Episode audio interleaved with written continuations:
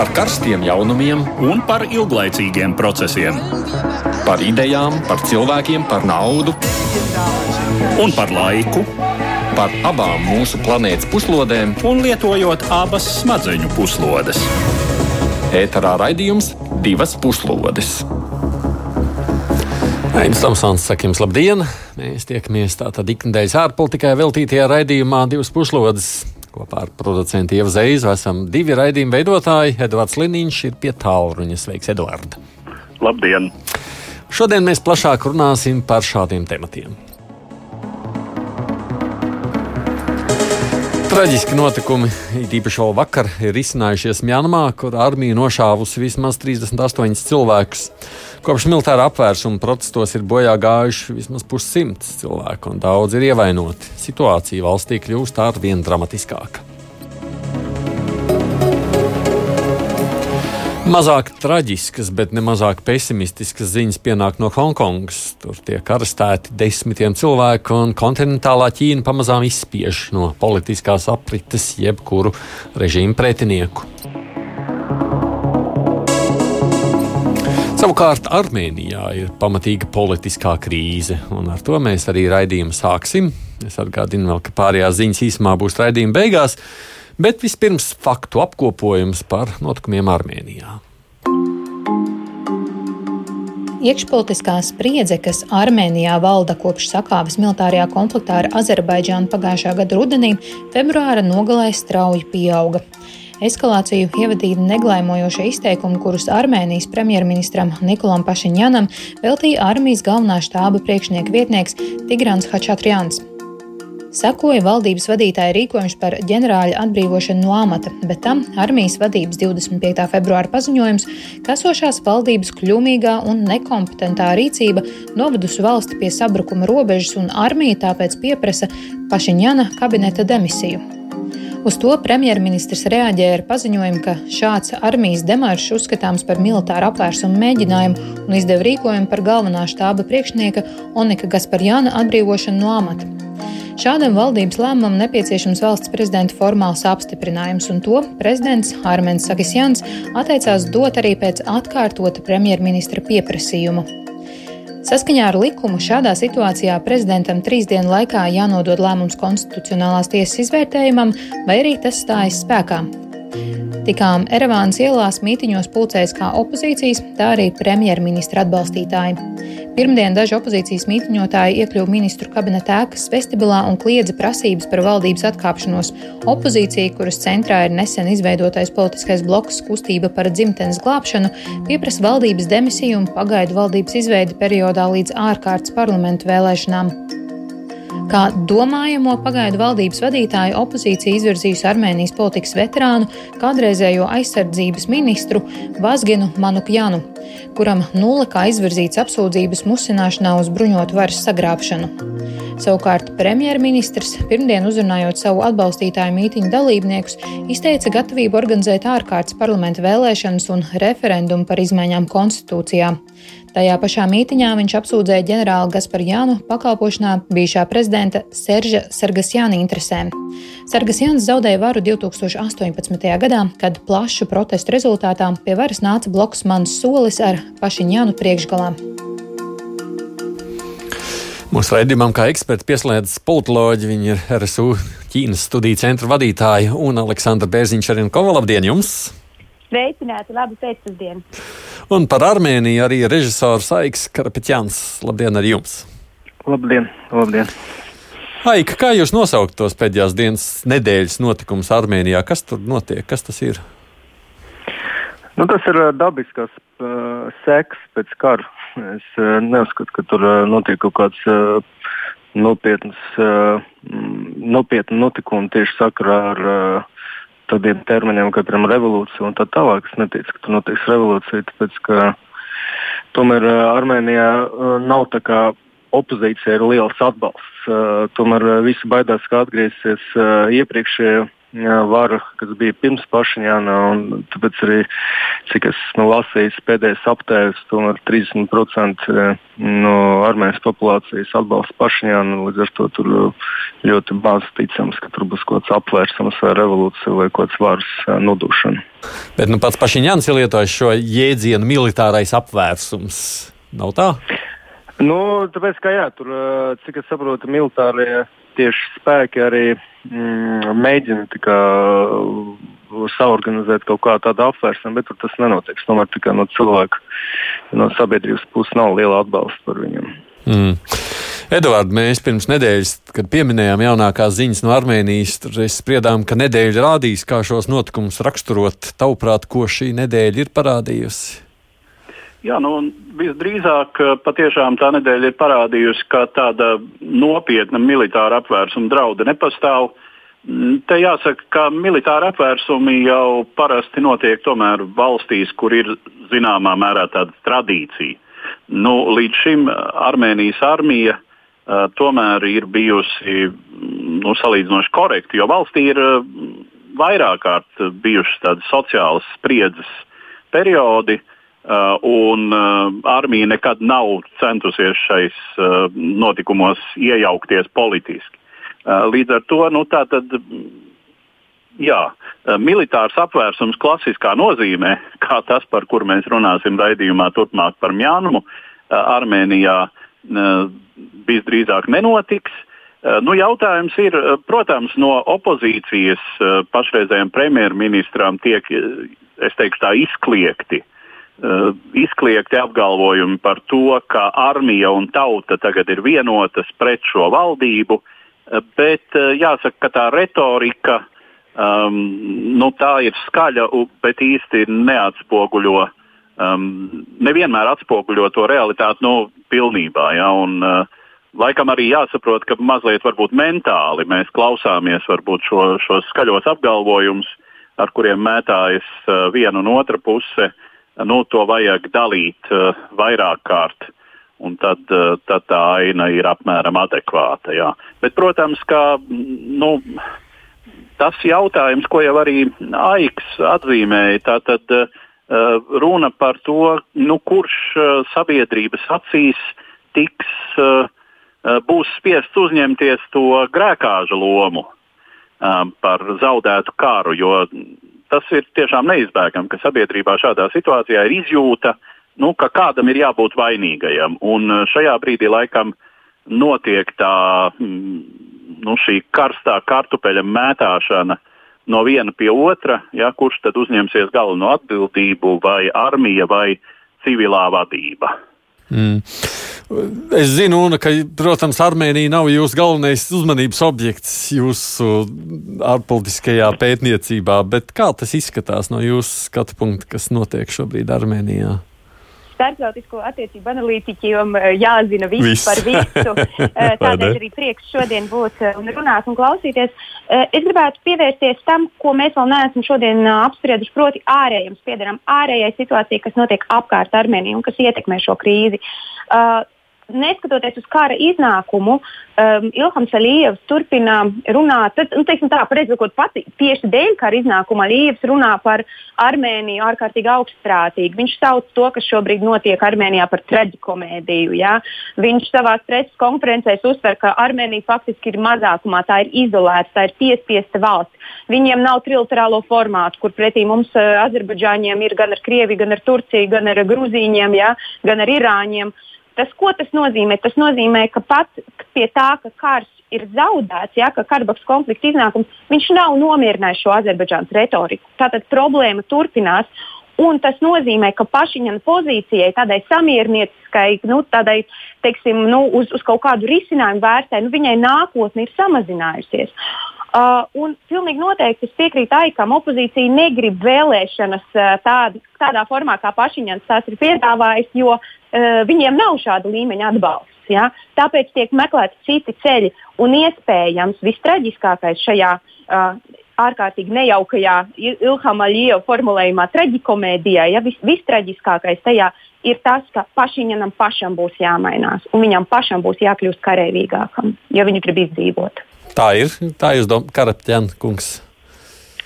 Uh, es domāju, ka tur tā, tā problēma tiešām ir uh, saistīta ar uh, ārpolitiku un ar to, kas notiek apkārt Armēnijai. Un, uh, jāsaprot, un Armēnijā arī uh, sabiedrība ir sapratusi, ka tas karš uh, notika pateicis arī tam, ka Krievija to atļāva gan Turcijai, gan Azerbaidžānai to izdarīt.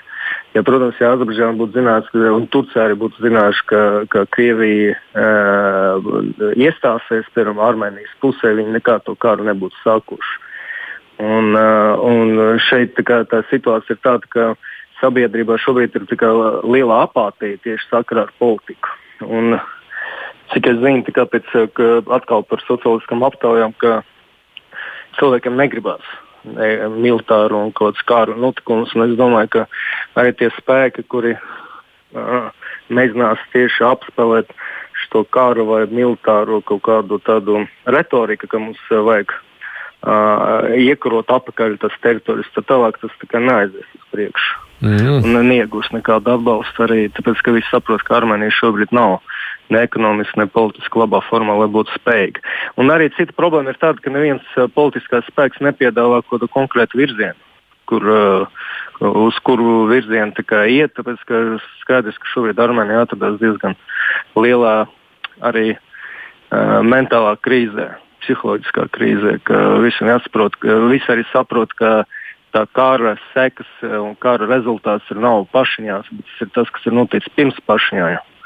Visa tā korupcija un, un viss tā neatrisināts problēmas arī ir rezultāts tam, kas notika kara rezultātam. Bet tā Krievijas no, tā kā, vilšanās par Krievijas rīcību ir Jā. jaušama liela Armēnijā. Jā, protams, ir liela, bet viņa nav uh, viņi saprot, ka katra valsts rīkojas pēc savām interesēm, un, šo, un šoreiz nevienam nesakrīt ar Armēnijas interesēm. Un, uh, Armēnija, protams, kļuva par ko tādu, nu, kā vienmēr arī Vēsture, par tirgošanas tā tādu mantu. Un, uh, ja jūs pievērsiet uzmanību, kas uh, notiek piemēram Sīrijā, uh, jūs redzēsiet, ka uh, Turcijas militāri diezgan uh, daudz ko uh, atļauj šobrīd Krieviem. Krievijas armijā darīt tikai Sīrijas, te, Sīrijas teritorijā. Tieši tā, kā ir tāda teorija par to, ka tas bija tas tirgošanas rezultāts par karu, ka Krievija atļauj atrisināt, palīdzēt Turcijai atrisināt Azerbaidžānas problēmu un, un dabūja Sīrijā kaut kādas pozīcijas. Mm. Uh, Edvards, tavuprāt, cik ilgi tāda pretstāvs starp armiju un premjerministru var pastāvēt valstī? Jā, nu to ir ne no ilgstoši, protams, nē. Uh, jo tā vai citādi, nu, tā ir nenormāla situācija, kurai ir pēc vēsturiskām analogijām spriežot, jāsveras uz vienu vai otru pusi. Un šajā gadījumā, kā jau teicu, nu, uh, visdrīzāk um, tas kompromiss var, visdrīzāk būs tāds, ka nu, katrs paliks pie sava, ģenerāļi paliks uh, visdrīzāk savās vietās. Uh, un savukārt armija atteiksies no tām nu, uz, uz brīdi uzplaiksnījušām ambīcijām iesaistīties politiskajā procesā, nu, proti, pieprasīt valdības demisiju. Tas šķiet, ka vairāk tomēr ir emocijās, arī kādās varbūt individuālās attiecībās balstīts process. Nu, grūti spriest, ne, cik teiksim, atbilst patiesībai tas, ko, uh, prezid, ko premjerministrs Pašiņāns saka par šiem armijas ģenerāļiem, ka tie zināmā mērā ir uh, iepriekšējās varas uh, cilvēki. Kas to zina? Es domāju, ka mm, armija un tās vadība jau nu vislabāk saprata uh, to, ka tiešām līdz Pašiņānam daudz kas netika izdarīts, uh, lai varbūt Armēnijas kaujas spējas būtu labākas. Eh, lai gan, nu jā, eh, atkal jāsaka, ir jau tādas lietas, kuras eh, nav Armēnijas spēkos mainīt.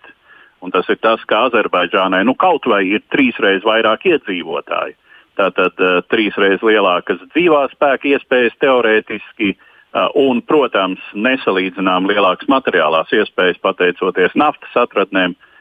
Tā ir bagātākā valsts ne tikai aizkaukāzā, bet uh, bet faktiski diezgan nu, teiksim, salīdzinoši. Ja? Plašā reģionā vismaz, ja, ja rēķina uz, ja rēķina koproduktu uz vienu iedzīvotāju ja, un tam līdzīgi. Tā kā attiecīgi ir milzīgs, milzīgas iespējas ieguldīt naudu jaunākā, jaunākajos ieročos un tam līdzīgi. Ja, un tas ir tas, ar ko Armēnija nekādi nevar tikt galā. Tā kā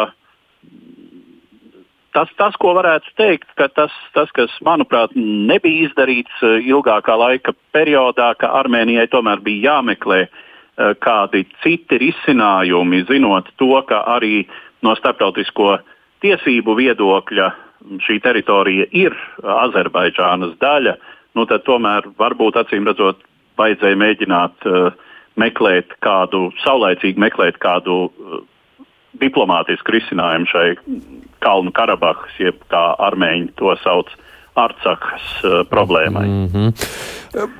Aik, jūs prāt savukārt tā prezidenta rīcība šajā brīdī, kā jūs to vērtētu? Es godīgi sakot, es uh, Armēnijas prezidentam neīpaši sekoju līdzi, tāpēc, ka es uh, saprotu, viņam nav nekāds liels. Viņš nebija, viņš nebija ļāvies premjera rīkojumam un neatlaida ah, jā, armijas jā, jā, vadību. Jā, jā. Man, man ļoti grūti spriest. Es, vienīgais, ko es varu pateikt, ir tas cilvēks, Armēns Saksons ir diezgan izglītots un uh, starptautiski viņam ir diezgan liela sakara ir ar Baidenu. Viņš uh, diezgan labi ir pazīstams un viņš būdams uh, tomēr zinātnieks, viņam ir kaut kādā ziņā ir kaut kāda autoritāte.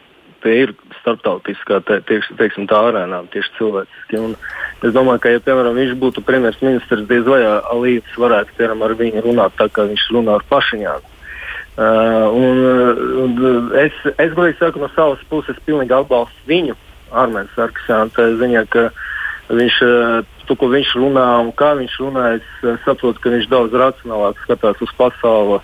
Pašņēmis ir ļoti emocionāls cilvēks. Un, uh, es redzu, kā viņš runā ar cilvēkiem un kā viņš arī politiskā arēnā runā. Tomēr Pašņēmis ir tāds uh, histēriskāks cilvēks un viņš uh, mazāk uh, kontrolē savas emocijas nekā, piemēram, Armēns Sarkisāns. Es eh, šajā ziņā, mm, manuprāt, vajadzēja pašam jau sen mm, pasludināt ārkārtas, ārkārtas vēlēšanas, bet es arī saprotu, ka viņš to neizdarīja. Viņš baidījās, ka uh, viņa te oponenti atnāks pie varas, kur gribēs atriepties par to, ko viņš uh, mēģināja izdarīt pēc uh, revolūcijas. Un, un, Man ir ļoti grūti pateikt, kas tur notiks Armēnijā. Es, es cenšos sekot līdzi, bet uh, Uh, tur var notikt viss, kas. Bet uh, vienīgais, ko es zinu, ka cilvēki šobrīd nav gatavi cīnīties. Uh, es atkārtošu vēlreiz, ka viņi diezgan politiski ir kļuvuši ļoti apātiski. Ir kaut vilšanās arī par pašņām, bet no, no diviem ļaunumiem viņi izvēlēsies mazāku ļaunumu pašņām. Es piemēram no savu radu puses zinu, ka visi atbalsta pašņām. Nevis tāpēc, ka viņi viņu mīl vai, vai uzskata, ka viņš ir labākais, kas šobrīd ir. Uh, bet eh, tāpēc, ka viņi ļoti baidās, ka atgriezīsies iepriekšējā. Mm. Un kā jūs domājat, kāda ir tālākā perspektīva? Es klausoties aiku, es tagad eh, varbūt ne, neatbildēšu tieši uz jautājumu, bet es savilku savā prātā divas lietas. Proti, priekš manis neatbildēts jautājums ir uh, pašiņa reakcija par izskanderiem. Ja? Runa par to, ka tikai 10% mm. esot šāvuši tā, kā viņiem jāšauj. Un pēc tam to atsaukt, tieši otrādi, pēc tam sakot, ka nē, nē, tomēr Krievijas ieroči esot ļoti labi. Uh, un, un, un es sāku domāt, kā, kas tas bija. Un varbūt tā aika piesauktā emocionalitāte, varbūt tāds politiskā brieduma kaut kāda trūkums. Varbūt tas arī skaidro šo, ja, šo, šo reakciju. Uh, bet nākotnes perspektīvas uh, ir. ir, ir um, Protams, uh, es zinu daudz mazāk par, par, par cienījumiem sarunbiedriem. Tomēr es no tādas uh, pavisam Latvijas pozīcijas, es ļoti ceru, ka vismaz mūsu valstī uh, mēs spēsim starp mūsu dažādajām kopienām, kuras iekļauj arī armēņus un azerbaidžāņus, saglabāt kaut kādu līdzsvaru un sadarbību. Jo tas, kas notika pirms vairākiem mēnešiem, kad tika izvietot reklāmas uh, uh, paziņojumi, kas uh, tādu, ārkārtīgi idealizētu Azerbaidžānas viedokli pauda pret armēņiem Rīgā. Uh, tas nozīmē, ka mēs arī esam ierauti šajās attiecībās. Un, protams, man gribētos cerēt, ka Baltijas valstis, kuras kaut arī ir maziņas, bet tomēr ir kaut kāda loma tieši šajā šajā sektorā sev mēģinājuši teiksim, panākt, ņemot vērā vēsturiskās attiecības. Es gribētu cerēt, ka arī tādā starpvalstu līmenī mēs centīsimies vismaz to, nu, to, to cilvēcīgo dialogu uzturēt, bet nu, varbūt es esmu ideālists. Mums ir jāturpina, nu, nu sakiet, jā. Dod, jā. jā, nu, pāris lietas. Es gribētu atgādināt, ka vēsturiski jā, savā laikā, kad Kalnu Karabahas konflikts tikko uzliesmoja, uh, tad Baltijas tautas frontes bija tās, kuras mēģināja spēlēt kaut kādu vidutāju lomu. Nu, mm. Tajā brīdī, protams, savu iespēju robežās un ne sevišķi efektīvi. Uh, tas, ir, tas ir viens. Nu, jā, un otrs, runājot par šiem izskanderiem, proti, ar ko viss sākās. Pašiņāna apgalvojums, ka Krievu raķetes nav lidojušas tur un trāpījušas tikai 10% gadījumu. Pēc tam izrādījās, ka šķiet, ka tas ierocis vispār tur nav lietots uh, šai konfliktā. Uh, es teiktu, ka tas izskanders ir tāda metāfora uh, kas vairāk varbūt atspoguļo pašiņāna izjūtu par to, kāda vispār ir Krievijas loma uh, šajā konfliktā, cik tā nāk par labu Armēnijai. Uh, tā tad Iskanders kā metāfora desmit procentiem, kuri varbūt nāk par labu Armēnijai no Krievijas puses. es teikšu paldies režisoram Maikam Karapķanam par sarunu. Paldies jums jā, par iesaistīšanos. Mums jāturpina nākamo tematu, jo traģiski notikumi šajās dienās ir iznās arī Mjanmā. Militārā hunta, kas 1. februārī sagrāba varu Mjanmā, sākotnēji atturējās lietot kaujas ieročus pret protestētājiem, kuri prasīja demokrātijas atjaunošanu. Taču pēdējā nedēļa šai ziņā nesusi traģiskas pārmaiņas. Tagad armijnieki laiž darbā šaujamieročus, un upuru skaits jau pārsniedzis pussimtu. Tā skaitā 38 cilvēki nogalināti vakar kad uz demonstrantiem šauts valsts lielākajā pilsētā Jangonā, tāpat Mandalajā, Monšvā un citur. Daudzi simti demonstrantu arestēti. Šobrīd apcietinājumā atrodas apmēram 1300 cilvēku, tā skaitā apvērsumā gāztais prezidents Vins Mīns un valsts padomniece Nobela miera prēmijas laureāta Auna Sana Suči, kuriem izvirzīts vairākas acīm redzamas afabricētas apsūdzības.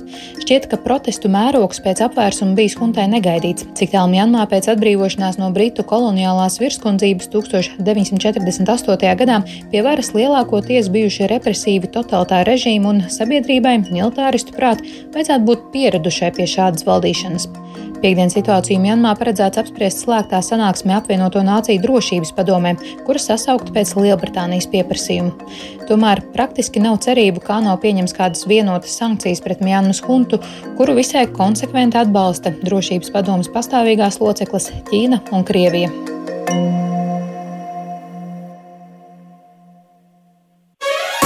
Divas puslodes! Atgādījumi pie klausulas ir Rīgas Traģiņu Universitātes Ķīnas studiju centra vadītāja un Aleksandra Bērziņš-Renkova un arī raidījuma līdzautors Edvards Liniņš. Klausoties tajā visā, Edvards, tāds smags jautājums. Asins izliešana turpināsies? Nu, visdrīzāk, ka jā.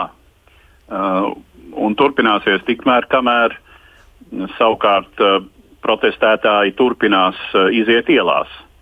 Um, nu, tā tad uh, acīm redzama šī, šī, šīs krīzes mehānika ir tāda, ka uh, armīnieki bija uh, piesardzīgi, nu, respektīvi nelietoja tos šaujamieročus līdz brīdim, kamēr viņi, viņi saprata, ka citādi uh, protestus apspiest neizdosies. Un, uh, um, tad, nu, kopš tā brīža teiksim, šī brutalitāte, nežēlība ir uh, Um, nu, vienkārši tātad iedarbināta nākamajā pakāpē.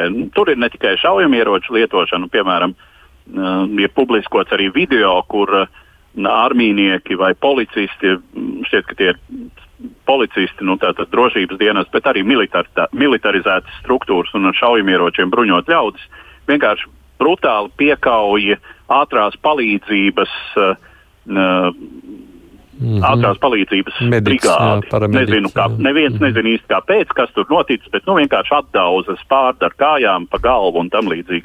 Uh, īsāk sakot, uh, uh, es domāju, ka uh, asins turpinās līt. Uh, un, uh, ir arī tas, ka nu, tas moments, ar ko militāristi nebija rēķinājušies, ka joprojām protestētāji ir apņēmīgi. Nu jā, tas tas jautājums, un armijai izdosies iebaidīt tomēr. Tauta. Armijas, jā, es pilnīgi piekrītu, protams, Eduardam, bet kāpēc šie protesti turpinās, neskatoties uz armijas šo iebaidīšanu? Tāpēc, ka cīņa nav zaudēta, jo apvērsums nav starptautiski atzīts, vai ne?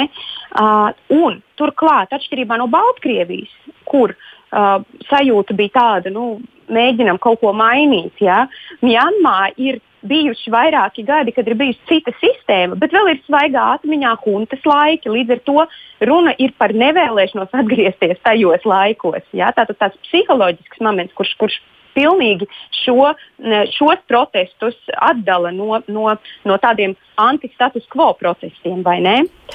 Um, Un, eh, tāpēc, jā, protams, asins izliešana turpināsies, jo, kā Edvards pilnīgi precīzi pateica, tātad tas, tas, um, tā norāde, acīm redzot, ir bijusi šaut galvā, šaut krūtīs, jā, tātad nevis, nevis, nevis uh, izklīdināt, bet nosūtīt ļoti stingru skaidru vēstījumu. Protams, mēs atkal redzam, ka tas iet kaut kādā veidā kuntai par sliktu, jo daļa no šiem protestētājiem jau faktiski tiek kanonizēti, vai ne? 19-gadīgā meitene, kur gāja bojā. Un pateicoties sociālajiem mēdījiem, pateicoties tam, ka Jānis protestētāji pār ļoti jauni cilvēki, kas aktīvi lieto mēdījus, neskatoties uz interneta atslēgšanām valsts līmenī, ja? tik un tā ir šī empātija. Viņi tiešām ieslēdz spēju būt empātiskiem pret viņiem. Un tas, ka mēs redzam kadrus, kur šī protestētāja ir dzīva un krekliņā, uz kura rakstīts, viss būs kārtībā, un dažas stundas vēlāk viņa guļ ar šautu brūci galvā, tas ir ārkārtīgi spēcīgs empātisks elements. Tāpēc protesti noteikti turpināsies un vardarbība turpināsies. Nu jā, bet ja tas ir empātisks elements, tas ir arī, protams, biedējošs elements. Tiešām cilvēki ir gatavi mirt par politisko brīvību.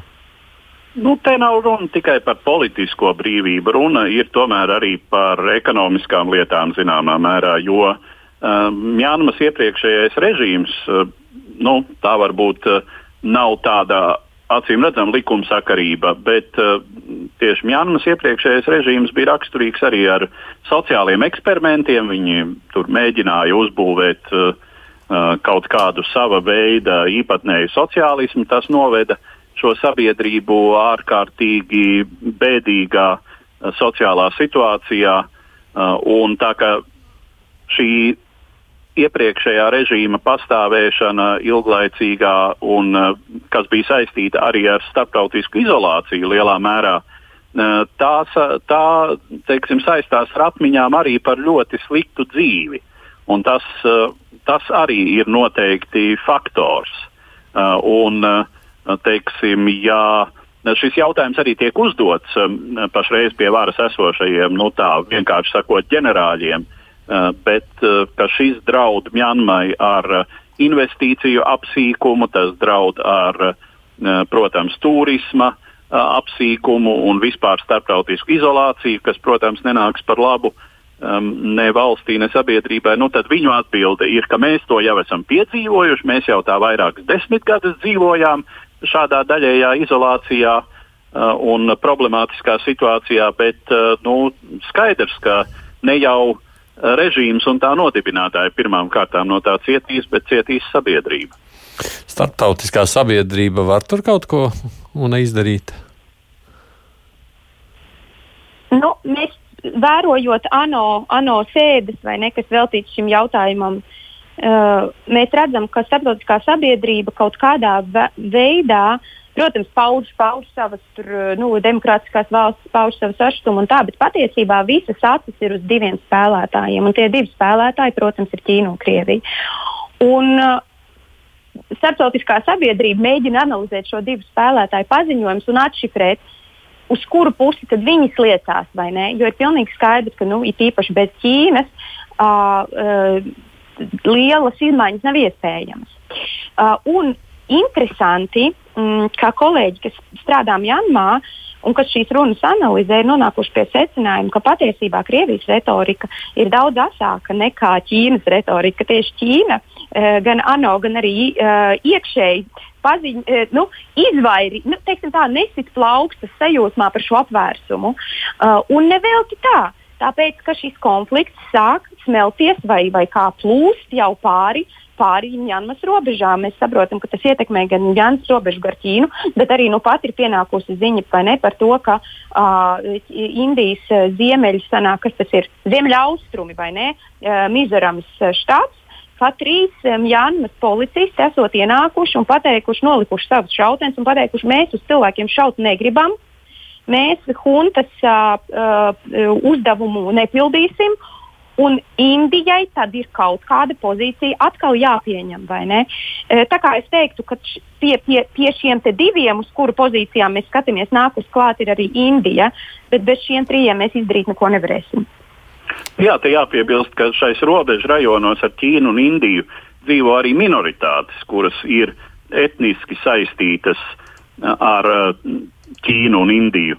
Arī reliģiski, kas tam reģionam ir diezgan būtiski. Uh, Un uh, iepriekšējo režīmu pieredze ir tāda, ka šīs minoritātes ir tikušas diezgan arī apspiestas, jo, protams, šiem režīmiem ir raksturīga tendence uz unifikāciju, uh, un uh, attiecīgi tur var paredzēt bēgļus, uh, migrantus, vēl jau vairāk, ja teiksim, otrpus robežai, attiecīgi Ķīnā un Indijā dzīvo etniski tuvas grupas.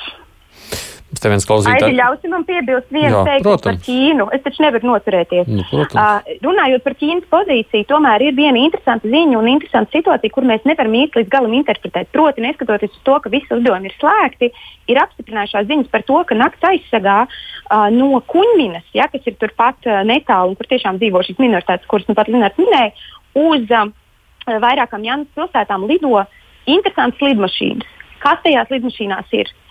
Vai, vai, vai, vai tās ir ar armiju saistītas, vai tās ir kaut kādas humanitāras lidmašīnas. Ļoti interesanti, bet katrā ziņā tas parāda, ka Ķīnas loma šajā konfliktā ir daudz lielāka nekā mēs šobrīd redzam. Nu, man te viens klausītājs raksta, ka Jānis ģenerālis taču konsultē Ķīnas instruktori.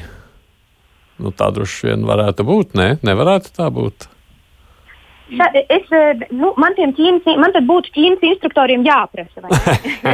bet, bet, kā, bet ja, mēs skatāmies uz, ja mēs skatāmies uz Ķīnas, uz oficiālu, uz Pekinas to pozīciju, skaidrs, ka nu, viņi jau mums visu nestāsta, vai ne? Jo pilnīgi mhm. noteikti, kāda ir klasika? Klasika ir spēlēt ar abām pusēm. Ja sākās pilsoņu karš vai ja sākās kaut kāda, kaut kāda teiksim, nu, pie robežām, ja kaut kāda, kaut, kaut kāda nestabilitāte, tā taču ir arī Stalina metode galu galā Ķīnā, kad bija pilsoņu karš. Viņš runāja vienlaicīgi gan ar vienu partiju, gan ar gomu Komindanu, gan ar komunistiem, vai ne? Mm -hmm. uh, un neskatoties tādu nolikt ideoloģiju otrajā uh, plānā un strādāt ar abām pusēm, skatīties, kura uzvar.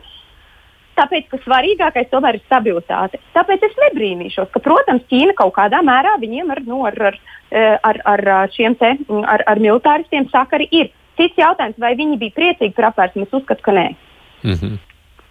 nu jā, uh, jo Ķīnas pozīcija, un to jau uh, kolēģi arī visnotaļ atzīmēja, atšķirībā no Krievijas, kas uh, ir nu, eh, plātīga bieži vien šai starptautiskajās izpausmēs un kurai teiksim, tā izrādīšanās, kurai savukārt ir pieprasījums Krievijas iekšēnē, ir ļoti svarīgs. Eh, Ķīna vienmēr cenšas uh, darīt uh, drīzāk nemanāmi, neuzkrītoši. Un tā ietekme, teiksim, uh, nu, īsti nav precedenta, ka Ķīna būtu kādā valstī, piemēram, atšķirībā no Indijas, kādā kaimiņu valstī iesūtījusi savus uh, spēkus uh, miera uzturēšanai vai, vai pušu izšķiršanai vai kaut kādai politiskai stabilizācijai. Nav īsti tāda precedenta. Ķīna rīkojas tikai savas teritorijas ietvaros, katrā ziņā militāri. Mm. Nu, tajā pašā laikā mēs tulītās turpināsim par Hongkongu. Ir jau sajūta, ka Ķīna pati kļūst ar vien tādu. Nē, nu, vardarbīgāka nē, kā lai to noformulētu. Ar vien tādu pārliecinošāku savā. Jā, kons konsekventi uh, īstenot to politiku, par kuru, uh, respektīvi, kādreiz bija ilūzijas, ka tā tas nebūs, bet nu, pēdējā laikā viss liecina, ka Ķīna nav gatava gaidīt tos nolīgtos 50 gadus, lai integrētu Hongkongu. Nu, nu, tad par Hongkongu arī mēs turpinām, jo tur jau arī notikumi virzās tajā pesimistiskajā scenārijā. Vispirms faktu apkopojums. Pirmdien Hongkonga pieredzēja pirmo masu protestu kopš pagājušā gada oktobra. Kad vairāk nekā pusotru gadu ilgusī protestu kustība totalitārās Ķīnas joprojām daļēji demokrātiskajā autonomijā apsīka pēc pandēmijas ierobežojumiem un drakoniskā nacionālās drošības likuma spēkā stāšanās. Tagad apmēram tūkstotis cilvēku bija pulcējušies pie tiesas sēkas, kur bija nogādāti 47 demokrātiskās kustības aktīvisti, kurus varas iestādes arestēja plašā policijas akcijā 28. februārī. Viņus apsūdz mēģinājumā gāzt pastāvošo varu, kas saskaņā ar minēto Nacionālās drošības likumu draud pat ar mūža ieslodzījumu. Apsūdzības pamatā ir neoficiāls priekšvēlēšanas, kuras Hongkongas demokrātiskā opozīcija sarīkoja pagājušā gada jūnijā, vēloties izvirzīt spēcīgākos kandidātus septembrī paredzētajās autonomijas parlamenta vēlēšanās. Vēlēšanas tika atliktas uz gadu, pamatojot to ar pandēmijas situāciju. Taču neoficiālo priekšvēlēšanu rīkošanu Pekinai pakļāvīgā vietējā vara traktē kā daļu no plāna, kas itin kā paredzējis paralizēt autonomijas varu, iegūstot vairākumu likumdevēja institūcijā un tad bloķējot budžeta pieņemšanu un spiežot atkāpties Hongkongas izpildvaras vadītāju Keriju Lamu. Nacionālās drošības likuma pieņemšanas laikā no Pekinas skanēja solījumi, ka tas tikšot piemērots tikai nepārprotamos pretvalstiskas darbības gadījumos, taču šīs apsūdzības liecina tieši pretējo. Tiesas sēde pirmdien ilga desmit stundas, tās turpinājums otrdien - astoņas. Pēc sēdes otrdien četri arestētie nogādāti slimnīcā, jo ilgās stundas tiesas zālē izrādījušās pārāk mokošas. Nosodījuma procesam, kurā smagas apsūdzības tiek izvirzītas par demokrātisku darbību, jau paudusi Eiropas Savienība, Lielbritānija un ASV. Kā tiek lēsts, šobrīd visi daudz maz pamanāmākie Hongkongas demokrātiskās opozīcijas līderi un aktīvisti ir vai nu apcietināti, vai apsūdzēto statusā, vai arī devušies devušies trimdā. Tā var teikt, ka demokrātijas aizstāvi faktiski ir jau izstumti una no politikas. Eh, faktiski, nu, eh, protams, tie, kas eh, aizstāv Hongkongu, kura darbojās pēc nu, tā, tādā veidā, kā, kā tas tika paredzēts vienošanā ar, ar Lielbritāniju, ja, kas uh, 97. gadā, kad Hongkonga nonāca atkal Ķīnas pārvaldībā. Tātad tie tiek izstumti. Ja?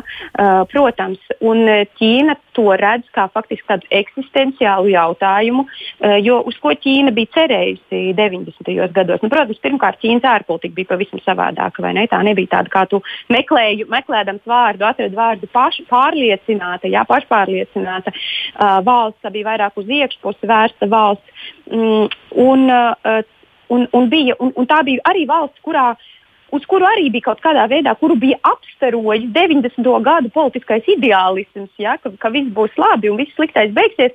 Un viņa politiskais ideālisms bija uh, tāds, ka proti ka paši hongkongieši jau patiesībā ir priecīgi, ka viņi beidzot var no tā britu imperiālā jūga tikt ārā. Un ka jaunā paudze brīva, dzims brīvajā Ķīnā, ja viņu identitāte ir ķīniešu identitāte, un ka viņi ir brāļi, kas ir atgriezušies, un ka jaunā paudze būs vēl karstāka Ķīnas, Pekinas patrioti nekā, nekā, nekā pekinieši. Ne? Un ko mēs redzam? Mēs redzam pilnīgi pretēju efektu. Mēs redzam, ka ar katru jauno paudzi hongkongieši arvien vairāk ir negatīvi noskaņoti pret Pekinas oficiālo politiku un arvien vairāk izjūt savu Hongkongas identitāti. Līdz ar to Pekina saprot, ka ļaut lietām attīstīties tā, kā viņas attīstās, un, un turēt šo 50 gadu moratoriju, nu, nav, viņu, nav viņiem izdevīgi. Bet es gribētu ātri atgriezties pie tā, ko teica Edvards par, par kariem. Tā ir tā Ķīnas pozīcija, ka viņi nav karojuši neko. Uh, Tādās situācijās es vienmēr viņiem pieminu 79. gada Vietnamu. Ja? Un Ķīnas pozīcija, nu nē, mēs tur neko, neko, bet patiesībā jau tas jau noveda arī pie uh, uh, pie uh, Kambodžas okupācijas faktiskās, vai ne? Uh, mm, kur vietnamieši okupēja Kambodžu un, un Ķīnas spēki bija Vietnamā. Tā kā patiesībā to Ķīnas uzskatu par to, ka viņi nekad nevienā, ne ar vienu nav karojuši ārpus savas teritorijas, var apstrīdēt. Bet es neesmu vara, tāds, nu, es neesmu kara, kara, kara vēsturnieks noteikti. Ja? Tā kā par Hongkongu tāds komentārs. Ed, jā, Edvards, domājot par Hongkongu, savukārt, nu, šis nav, nu, tas nav karš, tā ir sava valsts. Nu, kā, kā, kā lai šo noraksturo, kas, kas tas ir? jā, nu, eh, tas ir eh, pirmām kārtām raksturojams kā eh, starptautisko saistību ignorēšana vai mēģināšana šīs starptautiskās saistības apiet. Proti, tātad ir nolīgums, kurš tiešām, te nu jāpiekrīt, ir slēgts savā laikā uz uh, 90. uz 80. gadu, nogalas 90. gadu uh, politisko ilūziju fona. Uz priekšstatu par to, kā pasaule šobrīd virzās prom no totalitārisma, ka totalitārisms ir sevi izsmēlis uh, un visi nu tagad ir pārliecināti, ka um, tas ir noiets etaps. Nu, uh, jā, kas saistījās pirmām kārtām, protams, ar Padomju Savienības sabrukumu, ar uh, visu padomju satelītu liberalizāciju, demokratizāciju. Uh, nu, tagad mēs redzam, ka šis vēzēklis ir acīm redzot sasniedzis galējo punktu vienā virzienā. Šobrīd notiek kritiens atpakaļ. Un nu, totalitārisms atkal ir modē, tā varētu teikt. Kas ir varbūt tas vispārējais idejiskais fons, kas eh, Pekinu ir iedrošinājis um, varbūt aktīvāk ievilkt Hongkongu savā, uh, savā uh, politiskajā sfērā, uh, nu, unificēt tātad to ar pārējo Ķīnu. Uh, nu, runa jau ir par to, ka šī unifikācija arī bija paredzēta. Uh, bet uh, tajā brīdī, kad šis līgums tika slēgts, tad uh, katrā ziņā rietumos, arī tā skaitā Lielbritānijā, visi bija pārliecināti, ka tā būs pavisam cita, daudz demokrātiskāka, liberālāka Ķīna, jo tobrīd arī šķita, ka tā tirgus ekonomika, kuru ir izvēlējusies Ķīna, noņemot ideoloģiskos žņaukus tieši ekonomiskajai attīstībai, ka tā nozīmē arī vispārēju liberalizāciju.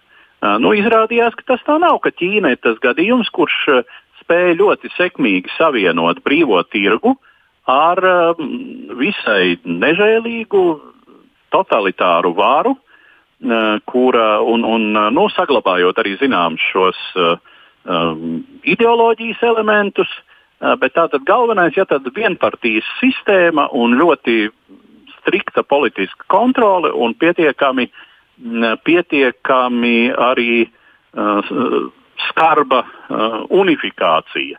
Tātad visā teritorijā ir jābūt apmēram vienādai politiskajai kārtībai. Nu, parasti atkal, ja tas, un, un te, te jau ir tāds nopietns un, un, un tālējošs politoloģiskais jautājums, ja, vai uh, vai tāda totāla unifikācija un vispār totalitāra vāra kādā brīdī nenoved uh, pie ekonomikas sabremzēšanās. Padomju Savienības gadījumā tā atbilde bija tāda, ka tas rada ekonomisko stagnāciju. Uh, nu, Ķīna pagaidām uh, uzrāda sekmīgu ekonomisko attīstību jau pāris desmitgadus pie ļoti totalitāra režīma. Mm. Bet vispār jau skatoties uz notikumiem Hongkongā, ir tāda sajūta, ka visām tādām ilgtermiņa starptautiskām apņemšanām taču ir tukšas mucas skaņas vērtība, nē? man jāpasmēj. Nē, nē, nu, respektīvi, um, jāpasmēj skumji. Jo jā, nu, pēdējie 10, 15 gadi mums rāda, ka nu, Krievija var ignorēt kategoriski savas starptautiskās saistības uh, Ukrainas sakarā. Uh, Ķīna nu, arī mēģina apiet uh, ne, savas uh, sākotnējās apņemšanās. Tā, ka, uh, ir dažādi, protams. Nav tā, ka starptautiskās saistības būtu uh, aprakstīti papīra vērtas. Bet, protams, ir ļoti no svara, lai šīs saistības, lai būtu arī uh, konkrēti līdzekļi, politiski, militāri, ar kurām šīs saistības tomēr paturēt spēkā. Mm. Un, jūs prāt, tā... Neliels komentārs, Jā. citējot manu kolēģi Rodžeru Krīmers, kurš, kurš Leidens universitātē nodarbojās ar kudrām lietām. Viņa pozīcija ir tāda, kamēr par, par, tām, tā, par tām saistībām ja, un viņu lomu, kamēr lielie stiprie, un šeit ir Ķīna, Krievija un, protams, ASV, ievēro lielāko daļu noteikumu, lielāko daļu laika, ja angliski tas skan follow most of the rules most of the time, tikmēr tā starptautiskā sistēma turās. Ko tas nozīmē? Mēs nevaram cerēt, ka lielie stiprie, it īpaši tādi, kuriem ir tik necaurspīdīga iekšējās, uh, iekšējās institūcijas kā Ķīnā, ja, ka viņi vienmēr izpildīs visus notikumus. Bet, teiksim, ja ir situācijas, kad lielākajā daļā gadījumu viņi tomēr mēs varam uz viņiem kaut kā konstruktīvi cerēt, tikmēr sistēma turās. Jautājums ar Krieviju ir tāds, ka viņi sāk ar vien vairāk un vairāk, ja, jau, tā kā, jau tāds disruptors, ja, cerēsim, ka Ķīna tik tālu neaizies. Bet atgrie, es ļoti priecājos par, par to, ka Edvards pieminēja vārdu ekonomika. Tik tiešām Ķīnā mēs kā, nu, nejūtam, ja tas pieaugums ja turpinās, ņemot arī tāpēc, ka, tās, ka politikas jau patiesībā bija tieši uz tirgu vērstas, vai ne, sākot ar 79. gadu. Bet Hongkongas kā ekonomiskās tādas, nu, mm, megavietas ekonomika jau tiek, eh, tiek ietekmēta. Galu galā nu, patās eh, amerikāņu The Heritage Foundation ir uh, nopublicējis savu ekonomiskās brīvības indeksu, kurā vēsturiski vienmēr Hongkonga ir bijusi, ja ne pirmajā, tad otrajā vietā. Un šobrīd Hongkonga no indeksa ir ārā. Tas ir indeks, kuram nav nekāda sakara ar demokrātiju, jo pirmajā vietā tur ir Singapūra, kas nu gan nav demokrātiska valsts. Ja? Bet tas ir indeks, uz kura cilvēki ar naudu un kompānijas ar naudu skatās un domā, vai mana naudiņa, kuru es nolikšu tajā vietā, būs drošībā vai nē. Ja? Un tas, ka Hongkongai tika tomēr atvēlēta šajā liel, lielajā Ķīnas projektā loma kā tādai kā finanšu centram, Ja? Un tas, ka viņš šobrīd saņem šo spēcīgo sitienu, ka tieši viņa kā finanšu centra kapacitāte tiek apšaubīta, o, un tieši Pekinas ieviesto politiku dēļ, tas sašūpo ekonomiku. Un tad uzreiz kolēģiem jautājums, kur tad, vai arī klausītājiem, kā jums šķiet, kur tad Latvija šajā indeksā atrodas? nu, Nav. 30. vietā, Igauni ir 8. un Lietuvieši ir 15. Tā kā mums mm. ir par, par ko padomāt. Jā. Protams, ka mūsu banku skandāli to ir ietekmējuši, bet nu, mēs patiesībā esam diezgan, diezgan zemi. Mēs jau nekad neesam investīcijām bijuši ļoti interesanti. Bet pabeidzot tomēr par Hongkongu vēl pāris minūtes, protesti vēl būs, vai tie hongkongieši, jūsuprāt, ir jau noguruši? Eh, daudzi hongkongieši, kuri bija politiku, kuri jutās politiski aktīvi, uh, ir pieņēmuši šo britu piedāvāto pakāpeniskās emigrācijas uh, politiku, ja? tātad ar, ar, ar, ar tām šīm britu, kā nu viņš saucās, tātad Commonwealth, ja? tātad uh, pa, pasēm, kas, kas sniedz pakāpeniski iespēju uh, iedzīvoties Lielbritānijā. Līdz ar to ir bijis tāds tvaika nolaišanas mehānisms. Uh, bet principā pilsēta ir sadalīta uz pusēm, un tā ir šīs lielās šīs fantastiskās pilsētas traģēdija, jo hongkongiešu pašu vidū vienprātības nav un uh, ģimenēs vienprātības nav. Uh, tāpēc uh, protesti noteikti turpināsies un turpināsies arī nestabilitāte. Edvards, kā tu prognozē tālāko? Nu, visumā es piekrītu, un nevelti tu teici, ka mēs runājam par pesimistisku scenāriju, diezgan neizbēgami pesimistisku. Uh, kas ir tāds arī tāpēc, ka jā, tiešām uh, aktīviem, jauniem un spējīgiem cilvēkiem ir kur palikt. Uh, viņi var no Hongkongas emigrēt, viņiem ir atvērta pirmkārt, protams, Lielbritānija, bet tāpat Austrālija, kas arī ir Britu sadraudzības valsts, Jaunzēlandē nu, un arī citas reģionu valsts, nu, kaut vai tāpat Singapūra. Kas nav pilnvērtīga demokrātija, bet tomēr nav arī totalitāra valsts. Tā kā tādā situācijā, kad šī alternatīva ir, kad ir šis ventilis, uh, uh, kur uh, nu, ir, ir izvēle, uh, kā atrast sev citu, um, citu dzīves vietu, lai gan, protams, uh, ir hongkongieši, un tas, starp citu, arī parādās šo protestētāju, protestu līderu uh, tādos komentāros, kur viņi, kurus viņi pirms uh, aresta ir paguvuši. uh, uh, izplatīts sociālajos tīklos, uh, ka nu, vismaz viens, kur es konkrēti lasīju, bija, uh, ka jā, es varētu aizbraukt, bet nu, Hongkonga ir vieta, kur es esmu piedzimis, uzaudzis, un es vēlos tomēr palikt šeit un cīnīties. Bet jā, visdrīzāk, un, un protams, mm -hmm. ka Ķīnas varas mašinērijas spiediens, nu, tas, tas ir īsti nepārvarams šai situācijā. Nav domājams, ka ir kāds spēks Spēks pasaulē, kas varētu apturēt, runājuši, kas varētu piespiest Ķīnu rīkoties citādi. Edvards Liniņš, kolēģis RSU. Politoloģe un Aleksandra Bērziņš Arenko. Paldies jums par piedalīšanos. Mums vēl dažas ziņas īsumā ar tām turpināsim. Neapmierinātība ar vakcinācijas tempiem Eiropas Savienībā pieaug. Arvien vairāk valsts kritizē Eiropas pieeju un meklē savus risinājumus, kā glābt iedzīvotājus. Čehija, Slovākija, Ungārija jau pašas ir apstiprinājušas Krievijas un Ķīnas vakcīnas, risinot sarunas ar šīm valstīm par iepirkumiem. Austrijas kanclers Sebastians Kurts pirmdien kritizēja Eiropas medikamentu regulātoru par kauso vakcīnu apstiprināšanas procesu, vienlaikus norādot, ka Austrija vakcinācijas jomā plāno ciešāk sadarboties ar Izrēlu, lai gatavotos iespējamām koronavīrus mutācijām un izstrādātu vakcīnu otro paudzi. Citēji mēs vairs nedrīkstam būt atkarīgi tikai no Eiropas Savienības, tā sacīja kanclers.